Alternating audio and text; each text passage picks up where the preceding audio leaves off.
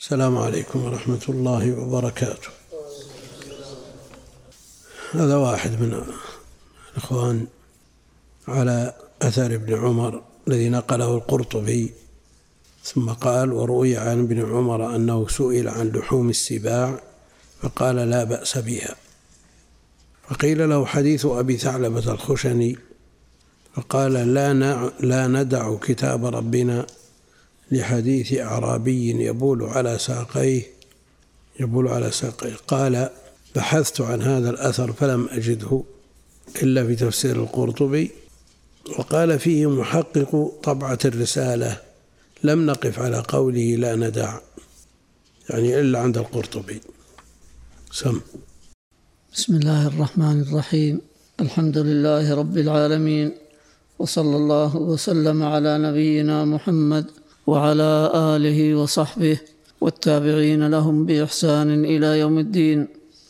قال الشيخ محمد الأمين الشنقيطي رحمه الله تعالى وأما الخيل فقد اختلف, فقد اختلف في جواز أكلها العلماء. فمنعها مالك رحمه الله في أحد القولين وعنه أنها مكروهة. وكل من القولين صححه بعض بعض المالكية والتحريم أشهر عندهم. وقال أبو حنيفة رحمه الله أكره لحم الخيل وحمله أبو بكر الرازي على التنزيه. وقال لم لم يطلق أبو حنيفة فيها التحريم وليست عنده كالحمار الأهلي. أبو بكر الرازي هو المعروف بالجصاص. وله كتاب مشهور في أحكام القرآن. قد يستغرب طالب العلم الذي يسمع هذه الكراهة من الإمام مالك وأن القول بالتحريم تحريم لحوم الخيل أشهر عندهم مع أن المعروف عند المالكية في الأطعمة أنهم أسمحوا المذاهب وأيسرها وقالوا بكراهية الكلب. كراهية الثعلب. قالوا بجوازه وقالوا كذا. فالخيل الذي جاء فيه النص الصحيح عن النبي عليه الصلاة والسلام يتردد فيه بل يرجح تحريمه بخلاف ما ورد فيها النصوص العامة والخاصة. ثم بعد الله. لكنهم أئمة. نعم. ها؟ دلالة اقتران دلالة اقتران وذكره معها في أعظم وجوه الانتفاع بها الخيل ينتفع بأكله أو بحمله والجهاد عليه ولا أيهما أعظم؟ ها؟ الجهاد عليه أعظم. نعم. وصحح عنه صاحب المحيط وصاحب الهداية وصاحب الذخيرة التحريم وهو قول أكثر الحنفية وممن رويت عنه كراهة لحوم الخيل الأوزاعي وأبو عبيد وخالد بن الوليد رضي الله عنه وابن عباس والحكم. ومذهب الشافعي وأحمد رحمهم الله رحمهم الله تعالى جواز أكل الخيل وبه قال أكثر أهل العلم وممن قال به عبد الله بن الزبير وفضالة بن عبيد وأنس بن مالك وأسماء بنت أبي بكر وسويد بن غفلة غفلة. غفلة, غفلة وعلقمة والأسود وعطاء وشريح وسعيد بن وسعيد بن جبير والحسن البصري وإبراهيم النخعي وحماد بن أبي سليمان وإسحاق وأبو يوسف ومحمد وداود وغيرهم كما نقله عنهم النووي في شرح المهذب وسنبين إن شاء الله حجج الجميع وما يقتضي الدليل رجحانه. اعلم أن من منع أكل لحم الخيل احتج بآية وحديث أما الآية فقوله تعالى والخيل والبغال والحمير لتركبوها وزينة الآية فقال قد قال تعالى والأنعام خلقها لكم فيها دفء ومنافع ومنها تأكلون فهذه للأكل. وقال والخيل والبغال والحمير لتركبوها فهذه للركوب لا للأكل. وهذا تفصيل من خلقها وامتن بها وأكد ذلك بأمور. أحدها أن اللام للتعليل أي خلقها لكم لعلة الركوب والزينة لأن العلة المنصوصة تفيد الحصر. فإباحة أكلها تقتضي خلاف ظاهر الآية. ثانيها عطف البغال والحمير عليها فدل على اشتراكها معهما في حكم التحريم. ثالثها أن الآية الكريمة سيقت للامتنان. وسورة النحل تسمى سورة الامتنان والحكيم لا يمتن بأدنى النعم ويترك أعلاها لا سيما وقد وقع الامتنان بالأكل في المذكورات قبلها. الله يمتن جل وعلا يمتن بأعلى وجوه الانتفاع بأعلى وجوه الانتفاع.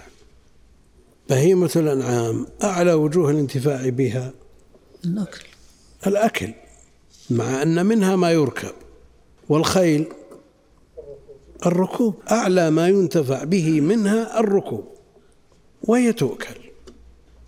فمن يفضل ذبح الخيل وهي موجودة عنده ليقدمها لضيوفه وعنده غيرها من أنواع الأطعمة؟ ما في. انتفاع بها أعظم وجوه الانتفاع بها الركوب. وهذا أعلى ما يمتن به. بينما بهيمة الأنعام أعلى ما ينتفع به, به منها الأكل وإن كان منها ما يركب. وهذا ظاهر. وكونه وكونها تعطف على البغال والحمير لأنها مثلها في الركوب كلها تركب. ووجه الانتفاع بها واحد. وأما وأصل عطف ال ال ال هذا العطف من, من هذا الوجه سائغ وهو أعظم وجوه الانتفاع.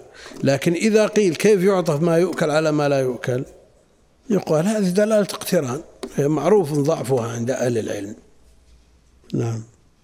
رابعها لو أبيح أكلها لفاتت المنفعة بها فيما وقع به الامتنان من الركوب والزينة.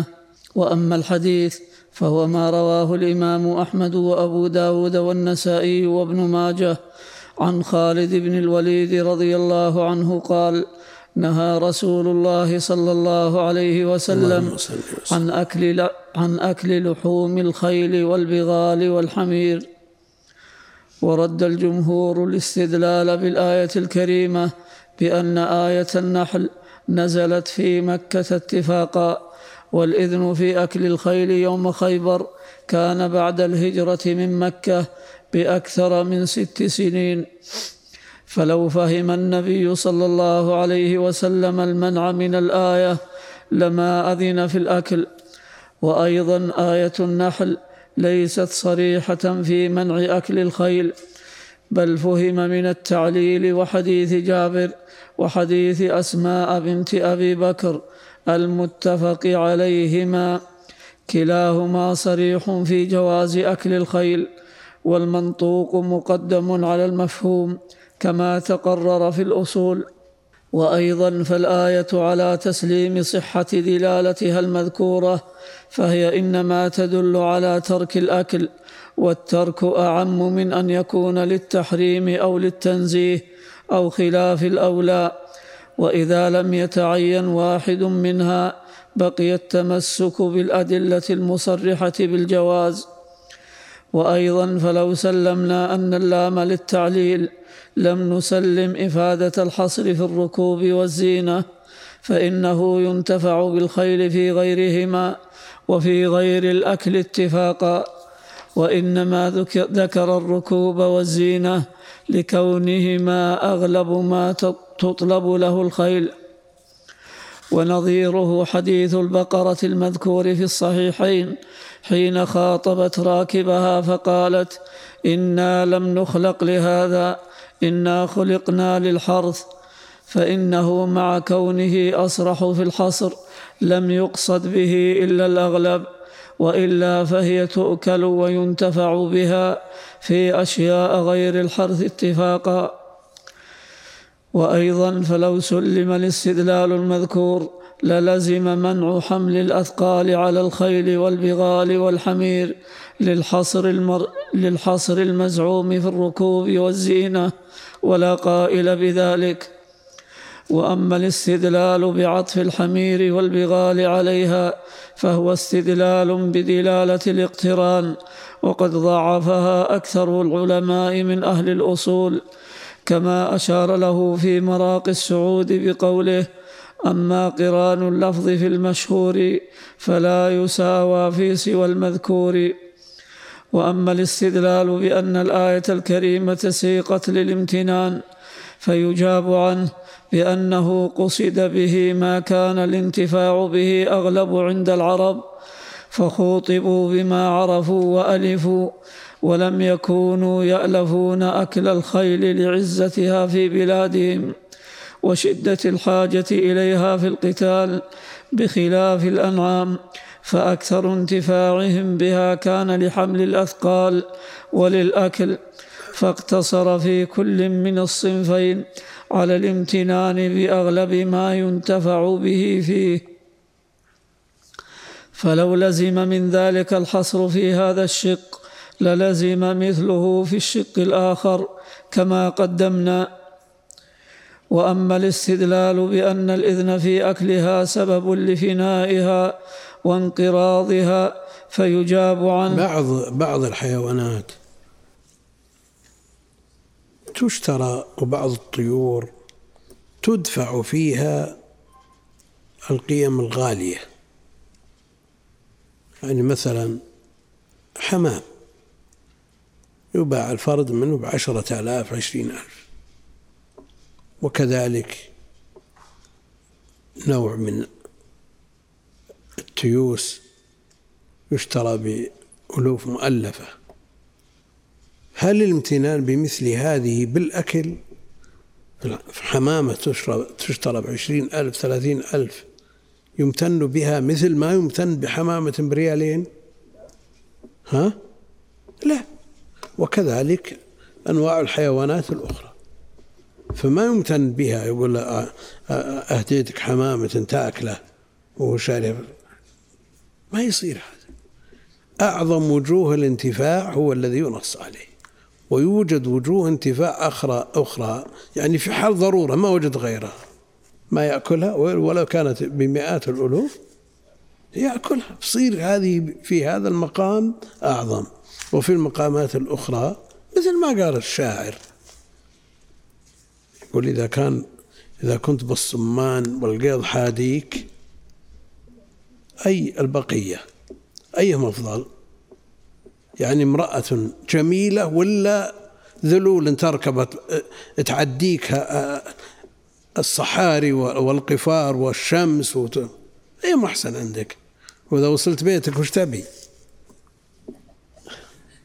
صحيح يعني كل مقام له مقال. يعني أنت في هذه الحالة إذا كنت بالصمان ونار حارقة شمس ولا حولك شيء تستظل به. هي أحسن مطية توديك بيتك. وإلا امرأة جميلة تبلاش به. كنت تشيلها على كتفك أيهما أفضل في هذا المجال في هذا المقام؟ تسوى عش... مئات النساء في هذا المك... في هذا المجال. لكن لو وصلت البيت تغير الميزان. سم. وأما الاستدلال بأن الإذن في أكلها سبب لفنائها وانقراضها فيجاب عنه بأنه أذن في أكل الأنعام ولم تنقرض ولو كان الخوف ولو كان الخوف من ذلك علة لمنع في الأنعام لئلا تنقرض فيتعطل الانتفاع بها في غير الأكل قاله ابن حجر. وأما الاستدلال بحديث خالد بن الوليد رضي الله عنه فهو مردود من وجهين. الأول أنه ضعفه علماء الحديث فقد قال ابن حجر في فتح الباري في باب لحوم الخيل ما نصه. وقد ضعف حديث خالد أحمد والبخاري وموسى بن هارون والدار قطني والخطابي وابن عبد البر وعبد الحق وآخرون. وقال النووي في شرح المهذب واتفق العلماء من أئمة الحديث وغيرهم على أن حديث خالد المذكور حديث ضعيف وذكر أسانيد بعضهم بذلك وحديث خالد المذكور مع أنه مضطرب في إسناده صالح بن يحيى بن المقدام ابن معد يكرب ابن معد كرب ضعفه غير واحد. وقال فيه ابن حجر في التقريب لين وفيه أيضا والد. إذا لم يتابع وإذا توبع فهو مقبول. نعم. وفيه أيضا والده يحيى المذكور الذي هو شيخه في هذا الحديث. قال فيه في التقريب مستور الوجه. مستور مستور مستور. الوجه الثاني. ها؟ قال فيه مستور الوجه الثاني كذا. هم مستور الوجه. يعني مستور الحال ما يخالف لكن مستور الوجه ما تجي. ها؟ يمكن الطباعة شابكتهن. لا غلط. لا لا غلط. نعم. قال فيه في التقريب مستور الوجه الثاني أن لو سلمنا عدم ضعف عدم ضعف حديث خالد فإنه معارض بما هو أقوى منه. كحديث جابر بن عبد الله رضي الله عنهما قال نهى, نهى النبي صلى الله عليه وسلم يوم خيبر عن لحوم الحمر ورخص في لحوم الخيل وفي لفظ في الصحيح وأذن في لحوم الخيل. وكحديث أسماء بنت أبي بكر الصديق رضي الله عنهما قالت نحرنا فرسا على عهد رسول الله صلى الله عليه وسلم فاكلناه متفق عليهما. ولا شك في أنهما أقوى من حديث خالد وبهذا كله تعلم أن أن الذي يقتضي الدليل الصريح رجحانه. إباحة أكل لحم الخيل والعلم عند الله تعالى. ولا يخفى أن الخروج من الخلاف أحوط كما قال بعض أهل العلم وإن الأورع الذي يخرج من خلافهم ولو ضعيفا فاستبن. ضعيف الذي لا حظ له من النظر. الخلاف فيه لا يعتبر. الخلاف فيه لا لا يعتبر إلا إذا كان له حظ من النظر. ومن أراد أن يتورع بحيث لا يضيق على الناس فله ذلك. لكن العبرة بالخلاف المعتبر الذي له دليل. نعم. يعني مسألة خالد بن الوليد ومنع ورواية منع أكل الخيل لحم الخيل. يعني الهاجس عند خالد بن الوليد رضي الله عنه. الجهاد. وهو بذلك يستروح إلى المنع إذا لم يجد معارض أقوى منه. لكن مع ذلك وجهته الأصلية إلى الجهاد وما يخدم الجهاد. وهذا منه لكن الذي همه الأكل مثلا. يستروح إلى ذلك ما لم يجد معارضا أقوى منه. شخص تجد الناس في مجالسهم يتحدثون عن قضايا آه، اجتماعية وغيرها من القضايا مثلا ما يتعلق بالنساء. تجد من تهمه أمور النساء في قضايا من أحكام النكاح وغيرها تجد اهتمامه بها أشد. كل من يحتاج إلى شيء تكون عنايته به أشد. ومثلنا مرارا بأنه لو جيء بطبيب يحاضر عن مرض معين. وذكر هذا المرض وذكر عشرة أسباب لهذا المرض وعشرة من أنواع العلاجات لهذا المرض. من يضبط هذه الأسباب وهذه العلاجات؟ ما يضبطها إلا من أصيب بهذا المرض. الناس ما يهمهم حتى يصابوا. كما هو معلوم. فالاهتمام بما يعتني به الشخص ويوليه همه يكون أضبط له.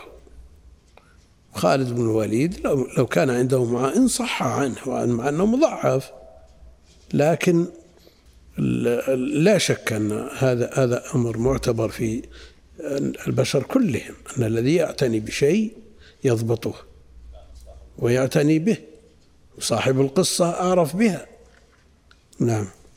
ومن ذلك الكلب فإن أكله حرام عند عامة العلماء وعن مالك قول ضعيف جدا بالكراهة ولتحريمه أدلة كثيرة منها ما تقدم في ذي الناب من السباع لأن الكلب سبع ذو ناب ومنها أنه لو جاز أكله لجاز بيعه وقد ثبت النهي عن ثمنه في الصحيحين من حديث أبي مسعود الأنصاري مقرونا بحلوان الكاهن ومهر البغي. وأخرجه البخاري من حديث أبي جحيفة وأخرجه مسلم من حديث رافع بن خديج رضي الله عنه بلفظ ثمن الكلب خبيث الحديث. وذلك نص في التحريم لقوله تعالى ويحرم عليهم الخبائث. الآية فإن قيل ما كل خبيث يحرم لما ورد في الثوم أنه خبيث وفي كسب الحجام أنه خبيث مع أنه لم يحرم واحد لم يحرم واحد منهما. فالجواب سئل النبي عليه الصلاة والسلام عن الثوم والبصل أحرام هما قال أنا لا أحرم ما أحل الله. فالثوم والبصل ليس بحرام. ومع ذلك قيل هاتان الشجرتان الخبيثتان وقيل في كسب الحجام خبيث. وقيل ولا تيمموا الخبيث منه تنفقون ولستم بآخذيه. يعني الرديء من الطعام خبيث لكن هل حرام؟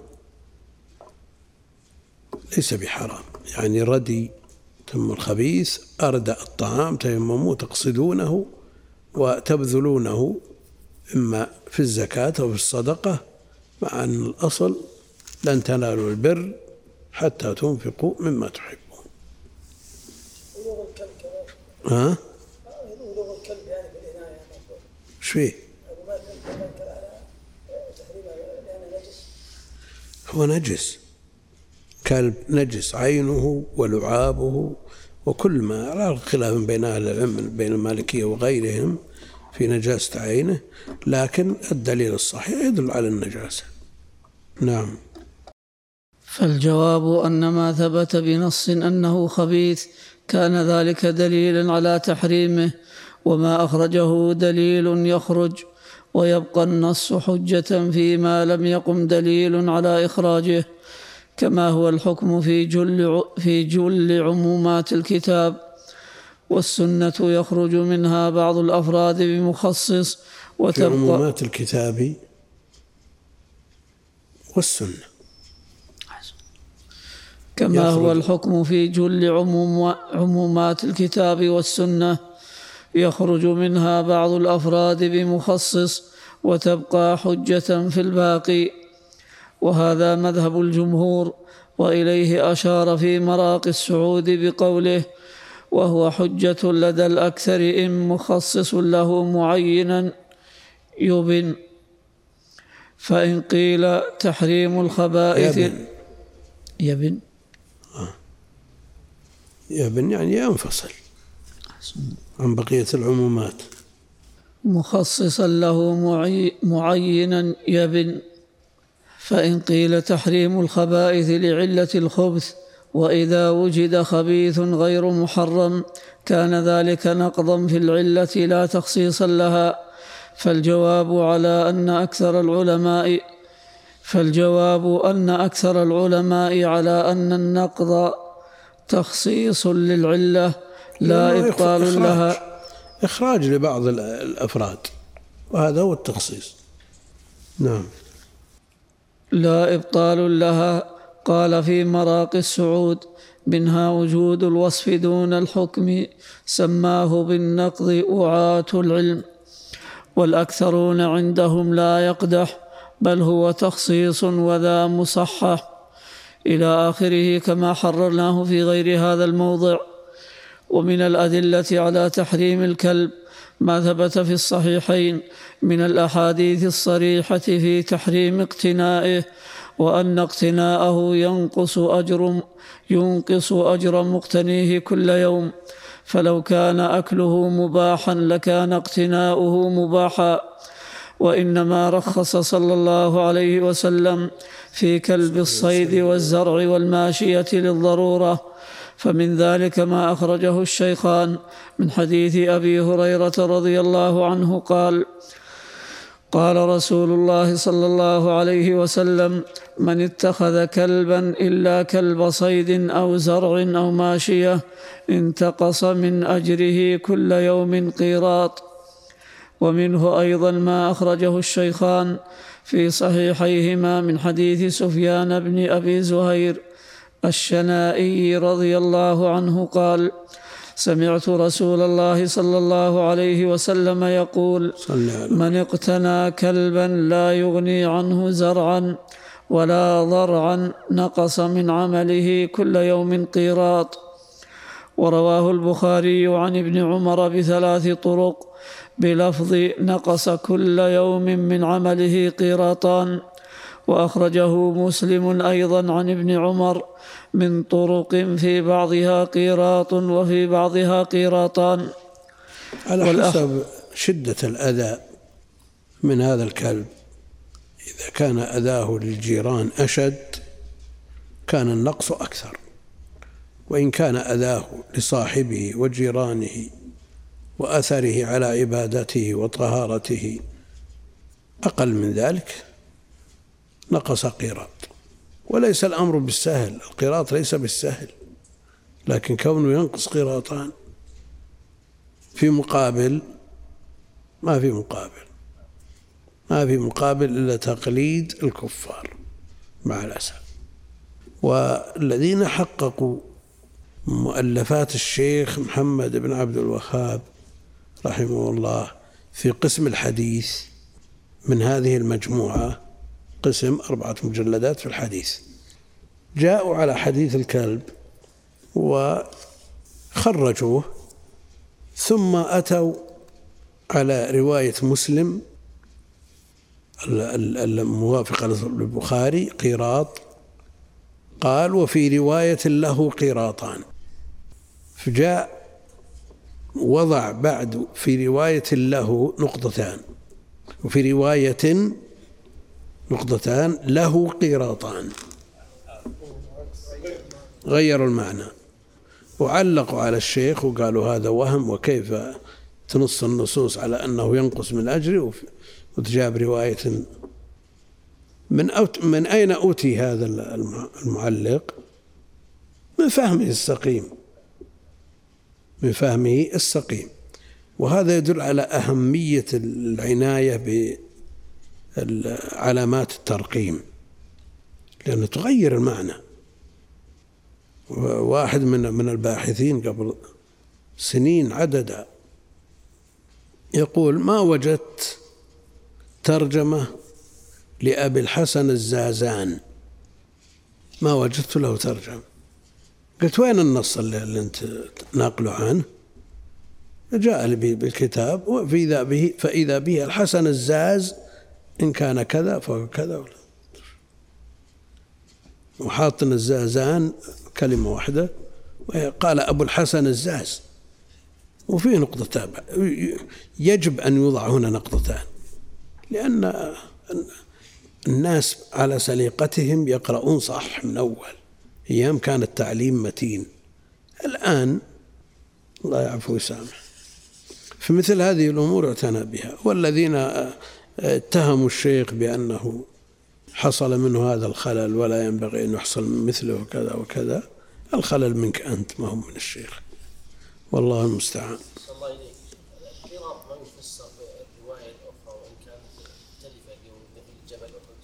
على الخلاف المعروف القراط يطلق إطلاقات كثيرة. فالقراط جزء من أربعة وعشرين جزءا. هذا قال وتفسيره بالحديث الآخر وإن كان المعنى مختلف هذا له وهذا عليه والفضل أوسع من إلى آخره آخر ما قاله أهل العلم. فعلى الإنسان وش, وش مصلحتك؟ كلب يعني أمرنا بقتلها في أول الأمر. الله المستعان. نعم. والأحاديث في الباب كثيرة. وهذا أوضح دليل على أن الكلب لا يجوز أكله إذ لو جاز أكله لجاز اقتناؤه للأكل وهو ظاهر.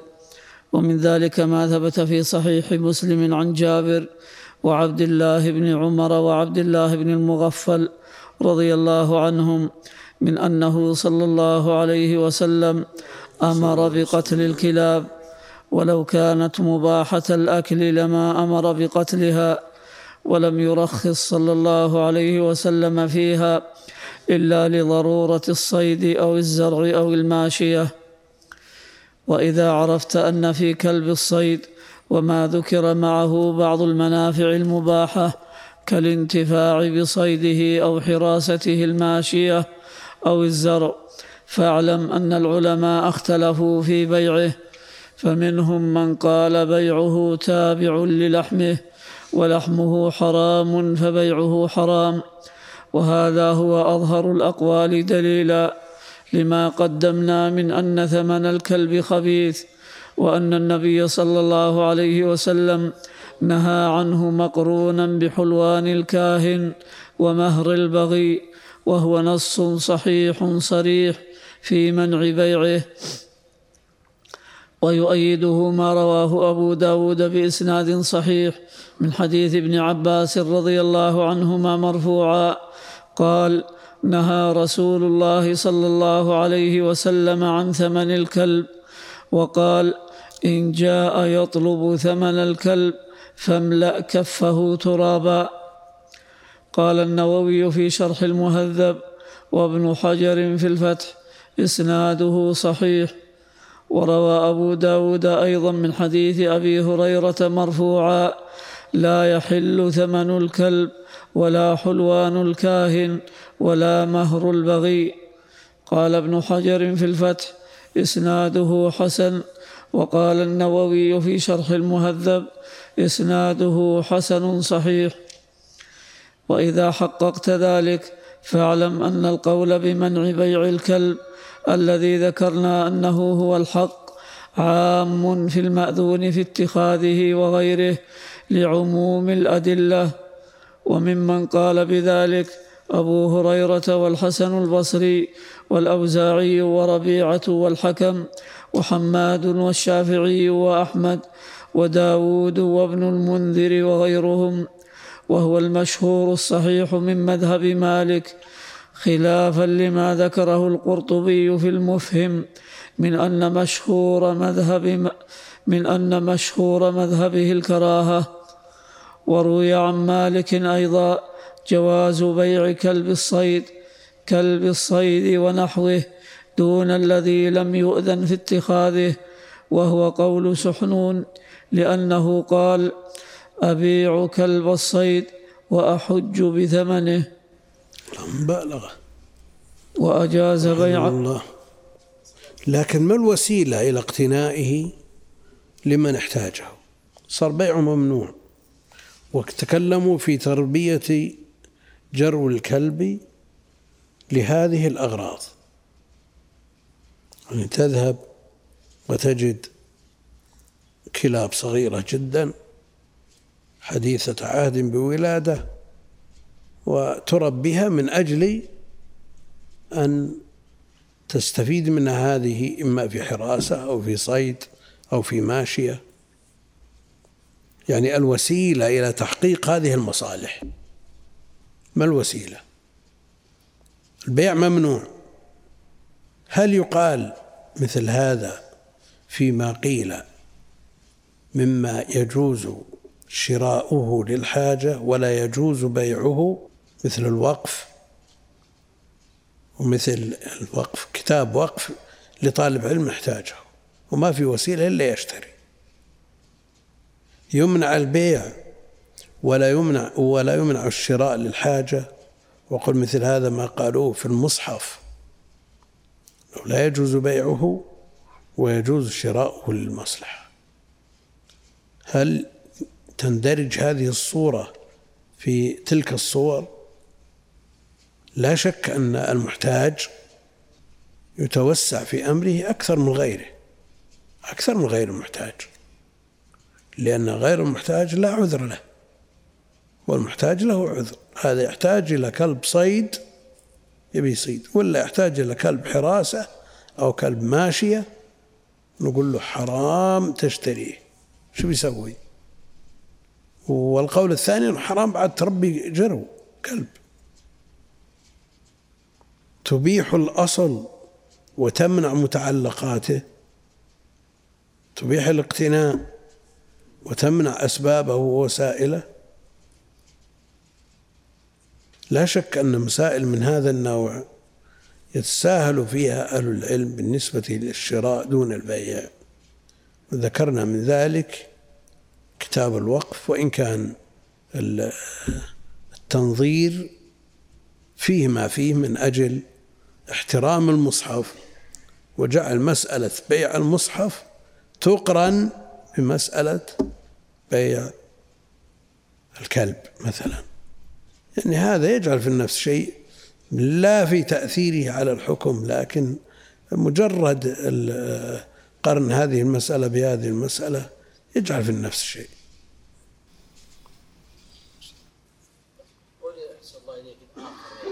جواز البيع هل له حظ من النظر؟ موجود في كلام أهل العلم موجود موجود في كلام أهل العلم ما دام أباح منفعته يبيح ثم ها؟ بالنسبة للحراسة حراسة وش؟ حراسة والماشية ها؟ يعني لا هو عموم المنفعة في هذه الصور هل يبيح اقتناء الكلب لما هو أعظم منفعة من هذه الصور؟ مثل الكلاب البوليسية ولا تكتشف مخدرات وتكتشف هي مستعملة. لكن هل فيها, فيها نص؟ يلي من الثلاثة؟ لا. لكن إذا قيل من باب قياس الأولى نعم فهي أولى بالجواز من قيل يقتصر على مورد النص. فالله المستعان.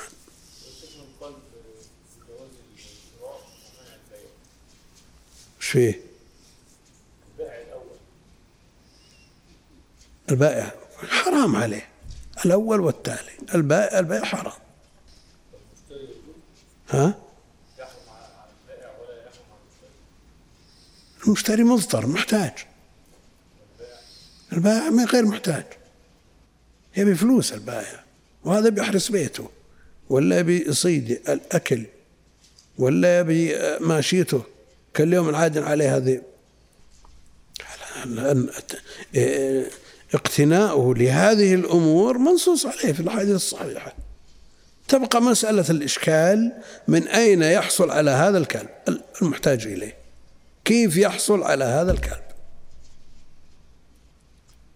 ترى من من من من عضل المسائل ترى. ما هي بسهلة المساله طيب المذهب عند الحنابلة حرام تبيع المصحف. ها؟ طيب احتاج مصحف. ولم يحصل عليه إلا بالشراء. وش تقول؟ نفس المسألة. جل يستمر مسلم ما عنده مصحف. شو؟ وش يبيع؟ لا لا لا حيلة يبيع الورق. إحنا ما بيع الورق الدفاتر موجودة. حيلة مثل ما يبيع كتاب وقف يقول والله أنا أبيع التجليد. ما أبيع الكتاب. ها؟ شخص يشتري مصاحف يوقف يشتري مصاحف التوسع في البيع الآن على القول بجوازه مطلقا ما فيه نعم.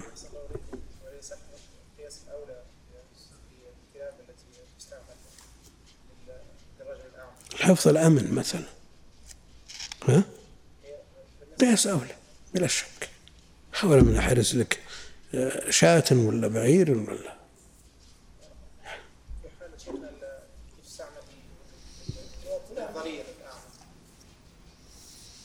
وش تسوي به؟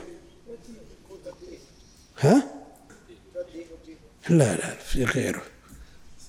الحمار أبصر منه في هذا. نعم.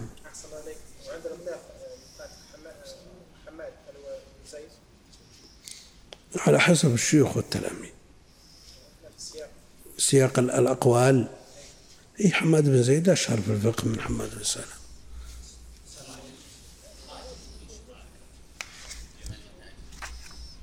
والله تقدر الحاجة بقدرها.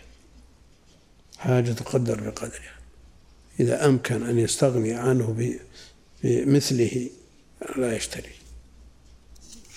نعم. بن أبي سليمان هذا الفقيه.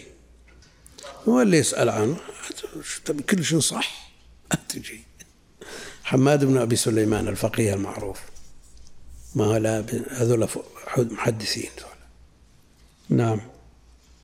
وأجاز بيعه أبو حنيفة مطلقا إن كانت فيه منفعة من صيد أو حراسة لماشية لماشية مثلا وحكى نحوه ابن المنذر عن جابر وعطاء والنخعي قاله النووي وإن قتل الكلب المأذون فيه ككلب الصيد ففيه القيمة عند مالك ولا شيء فيه عند أحمد والشافعي. لأنه ليس بمال عندهم فلا يضمن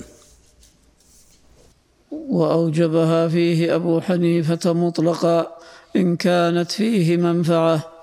وحجة من قال لا قيمة فيه أن القيمة ثمن والنص الصحيح نهي عن نعم. نهى عن ثمن الكلب.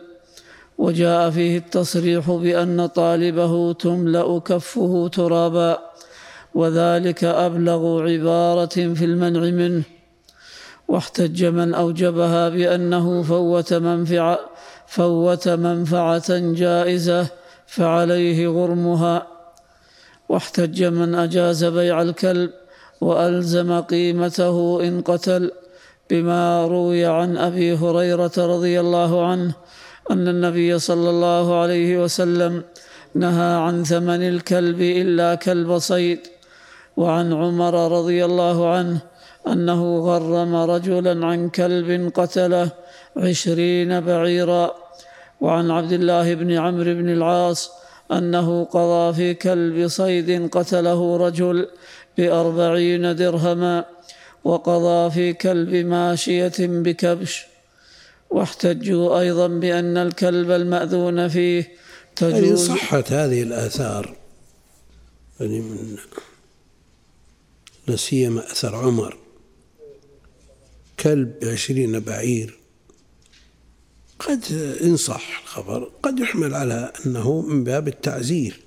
لئلا يعتدي إنسان على مال إنسان ولو وجدت آلة مثلا ممنوعة. وأتلفتها. من غير إذن ولي الأمر تصرف من عندك. وجاء ثاني وأتلف وثالث وحصلت مشاكل. فهو من باب السياسة يقرم غرامة من أجل عدم التعدي بغير إذن ولي الأمر. هناك أمور أذن فيها الشرع لكن لو تركت لأحد الناس صارت المسألة فوضى. نعم. علبة إيش؟ ها؟ الدخان نفس الشيء. لا لا ما ي... الأصل ما يعوضه لأنه ليس بمال. هذا الأصل. لكن إن رأى أن ولي الأمر أن هذا تعدي وسوف يوجد إشكالات وفتن هذا يراها مال وبذل فيها ماله وذاك أتلفها فتمتد الأيدي إلى بعض ويتضاربون ويحصل شيء. إن رأى ولي الأمر تغريمه تعزيره من من هذه الحيثية له ذلك. نعم.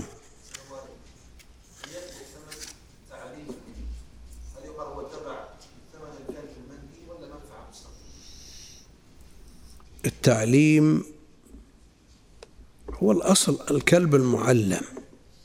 يجوز بيعه ولا لا لننظر إلى هذه الصفة التي هي العلم اللي اتصف بهذا الكلب ها؟ لا أنا أقول لك أن تقول تعليم التعليم تابع للصفة الأصلية هل يؤخذ لها فرق؟ هل هي أثرت في حكمه؟ خلاص مثل التعليم لا لا مثل تابعة للتعليم.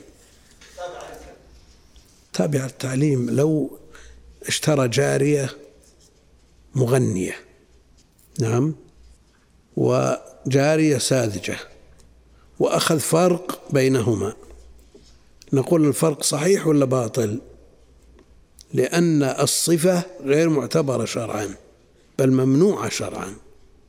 مثل هذا اللي عندنا. فتؤخذ قيمتها ساذجة لا متعلمة. لهذه الصفة المحرمة. وقل مثل هذا في تعليمها الغنى.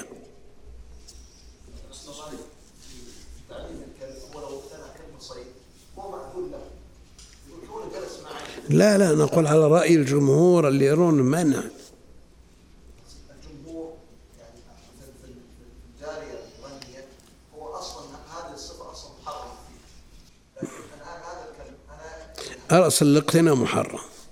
لكن هذا الكلب اقتناؤه وتعليمه وكونه يصيد لي كله جائز. لما جيت ابى اعطيك إياه خذ بس هذا وجهة نظري بتفتح محل.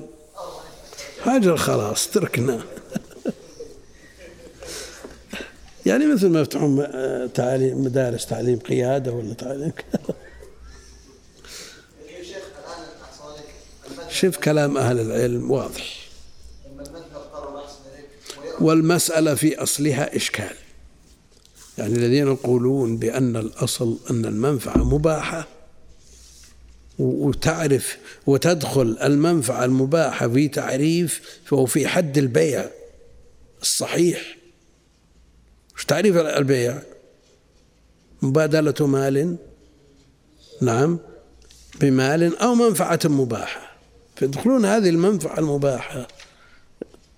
لكن يبقى هل الإباحة في هذه الصورة للحاج للضرورة أو خلاف الأصل؟ نعم. أو أن إباحتها عادية ومتاحة لأنها على خلاف الأصل. إباحة هذه المنفعة وإن الله أحسن عليك بيان ويحكم بيعه يقول وله أن لكن يأخذ من البر مثلا ويدربه ويعلمه يقول الإنسان أنا إذا أخذ شيء جاهز ماني طافع عليه إي لا لا. لا تفرغ له بس. لك فصل دراسي تفرغ له. سمي الشيخ. واحتجوا أيضا بأن الكلب المأذون فيه تجوز الوصية به والانتفاع به فأشبه الحمار. وأجاب الجمهور بأن الأحاديث والآثار المروية في جواز بيع الكلب في جواز بيع كلب الصيد ولزوم قيمته كلها ضعيفة. قال النووي في شرح المهذب ما نصه وأما الجواب عما احتجوا به من الأحاديث والآثار فكلها ضعيفة باتفاق المحدثين. وهكذا أوضح الترمذي والدار قطني والبيهقي ضعفها. والاحتجاز والاحتجاج بجواز الوصية به وشبهه بالحمار مردود بالنصوص الصحيحة المصرحة بعدم حلية ثمنه.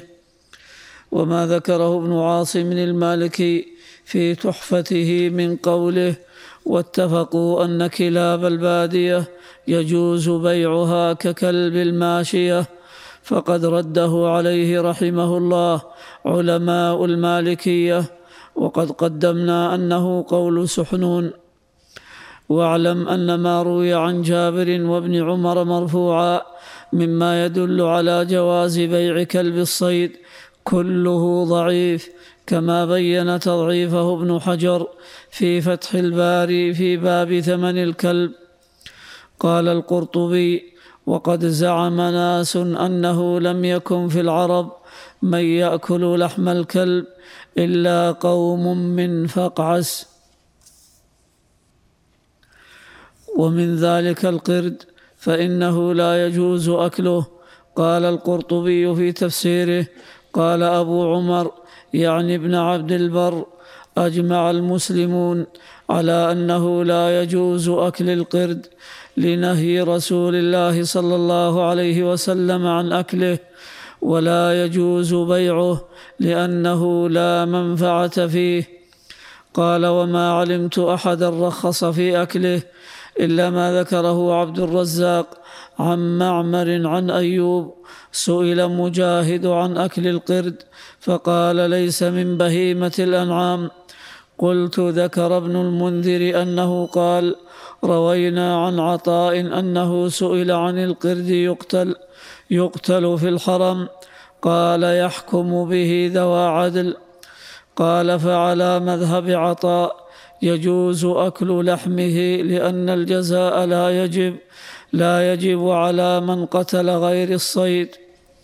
وفي بحر جادة, جادة المذهب وغيره أن ما يفدى وثبت فيه الفداء أنه مأكول كالضبع كما قالوا في الضبع. نعم.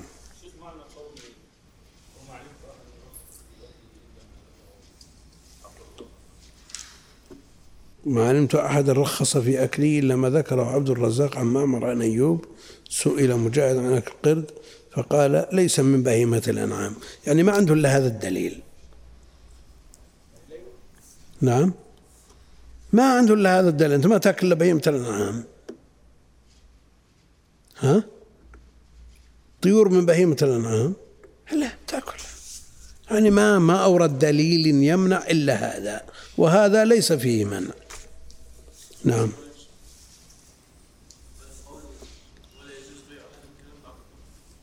أيوه. القرد. نحتاج إلى الرجوع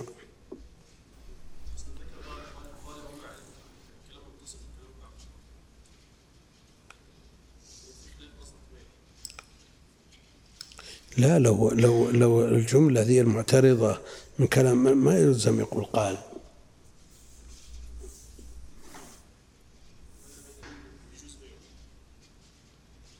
عند من؟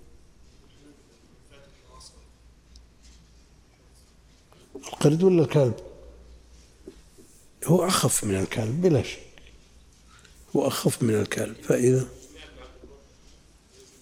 والله ما أدري عنه لابن عبد البر ولا لأن التعليل التعليل ما يجري على كلام ابن عبد البر. ما هو من كلام المتقدمين. نعم. وفي بحر المذهب للروياني على مذهب الشافعي وقال الشافعي يجوز بيع القرد لأنه يعلم وينتفع به لحفظ المتاع. انتهى. لا ويعلم السرقة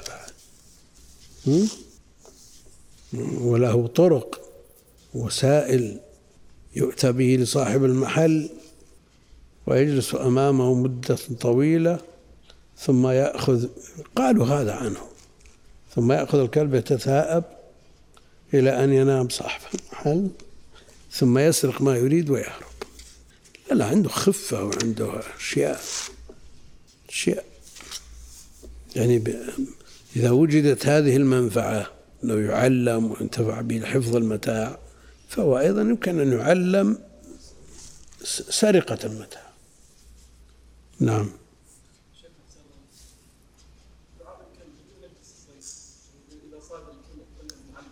على قول الجمهور نعم. فيجب غسله.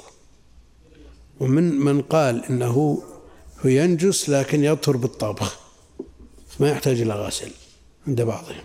كونه لم ينص على الغسل لأنه سوف يطبخ. والذي يقول لا بد من الغسل يقول جاء البيان في حديث الأمر بالغسل سبعا والثامنة بالتراب ويكفي. نعم. شو؟ من هو؟ هم اي في كلام. عن أكله يخرج يخرج يخرج. تلقاه أنت الحين بالجهاز تلقاه. الجوال تلقاه الحين دور دور. ابحث شو؟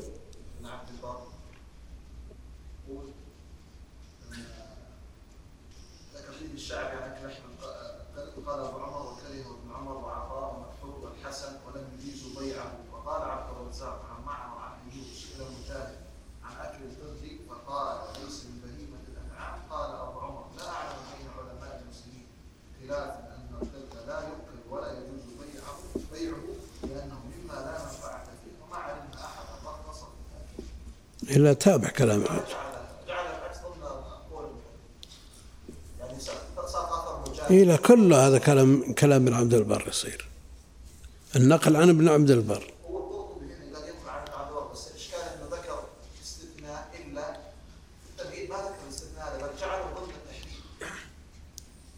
هي استثناء الإباحة الجواز.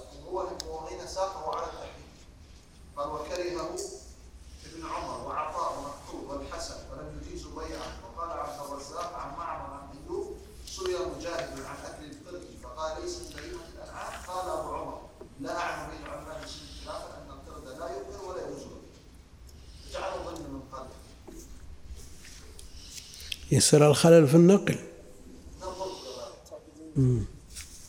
الخلل من القرطبي. الشيخ ناقل ينقل عن القرطبي. كل هذا التفسير مأخوذ من القرطبي. وبينهم مفاوز بينه وبين ابن عبد البر. ما ما علمت أحدا رخص في أكله إلا ما ذكره عبد الرزاق عن معمر عن أيوب سئل مجاهد عن أكل القرد فقال ليس من بهيمة الأنعام يعني قول ليس من بهيمة الأنعام يدل على الجواز وعلى على المانع في سياق كلام ابن عبد البر أنه في سياق المنع هم؟ شو؟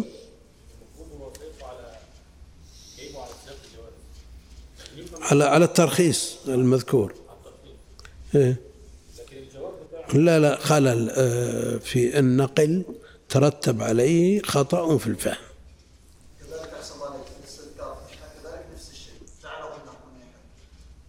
جعله يمنع.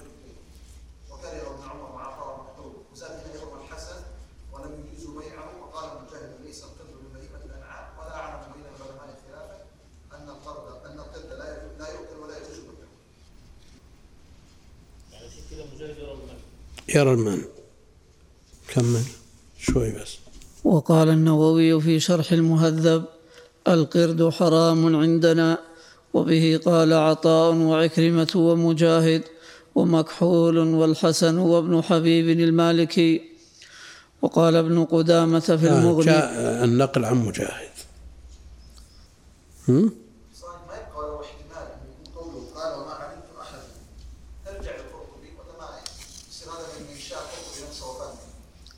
هو من قال من الذي قال؟ على عبد البر. هم؟ قلت القرطبي القائل وقال ابن عبد البر. نعم. وقال ابن قدامة في المغني وقال ابن عبد البر لا أعلم بين علماء المسلمين خلافا أن القرد لا يؤكل ولا يجوز بيعه. وروي عن الشعبي أن النبي صلى الله عليه وسلم نهى عن لحم القرد ولأنه سبع فيدخل في عموم الخبر ولأنه مسخ أيضا فيكون من الخبائث المحرمة. وقد قدمنا جزم بن حبيب وابن عبد البر من المالكية بأنه حرام. وقال الباجي الأظهر عندي من مذهب مالك وأصحابه أنه ليس بحرام.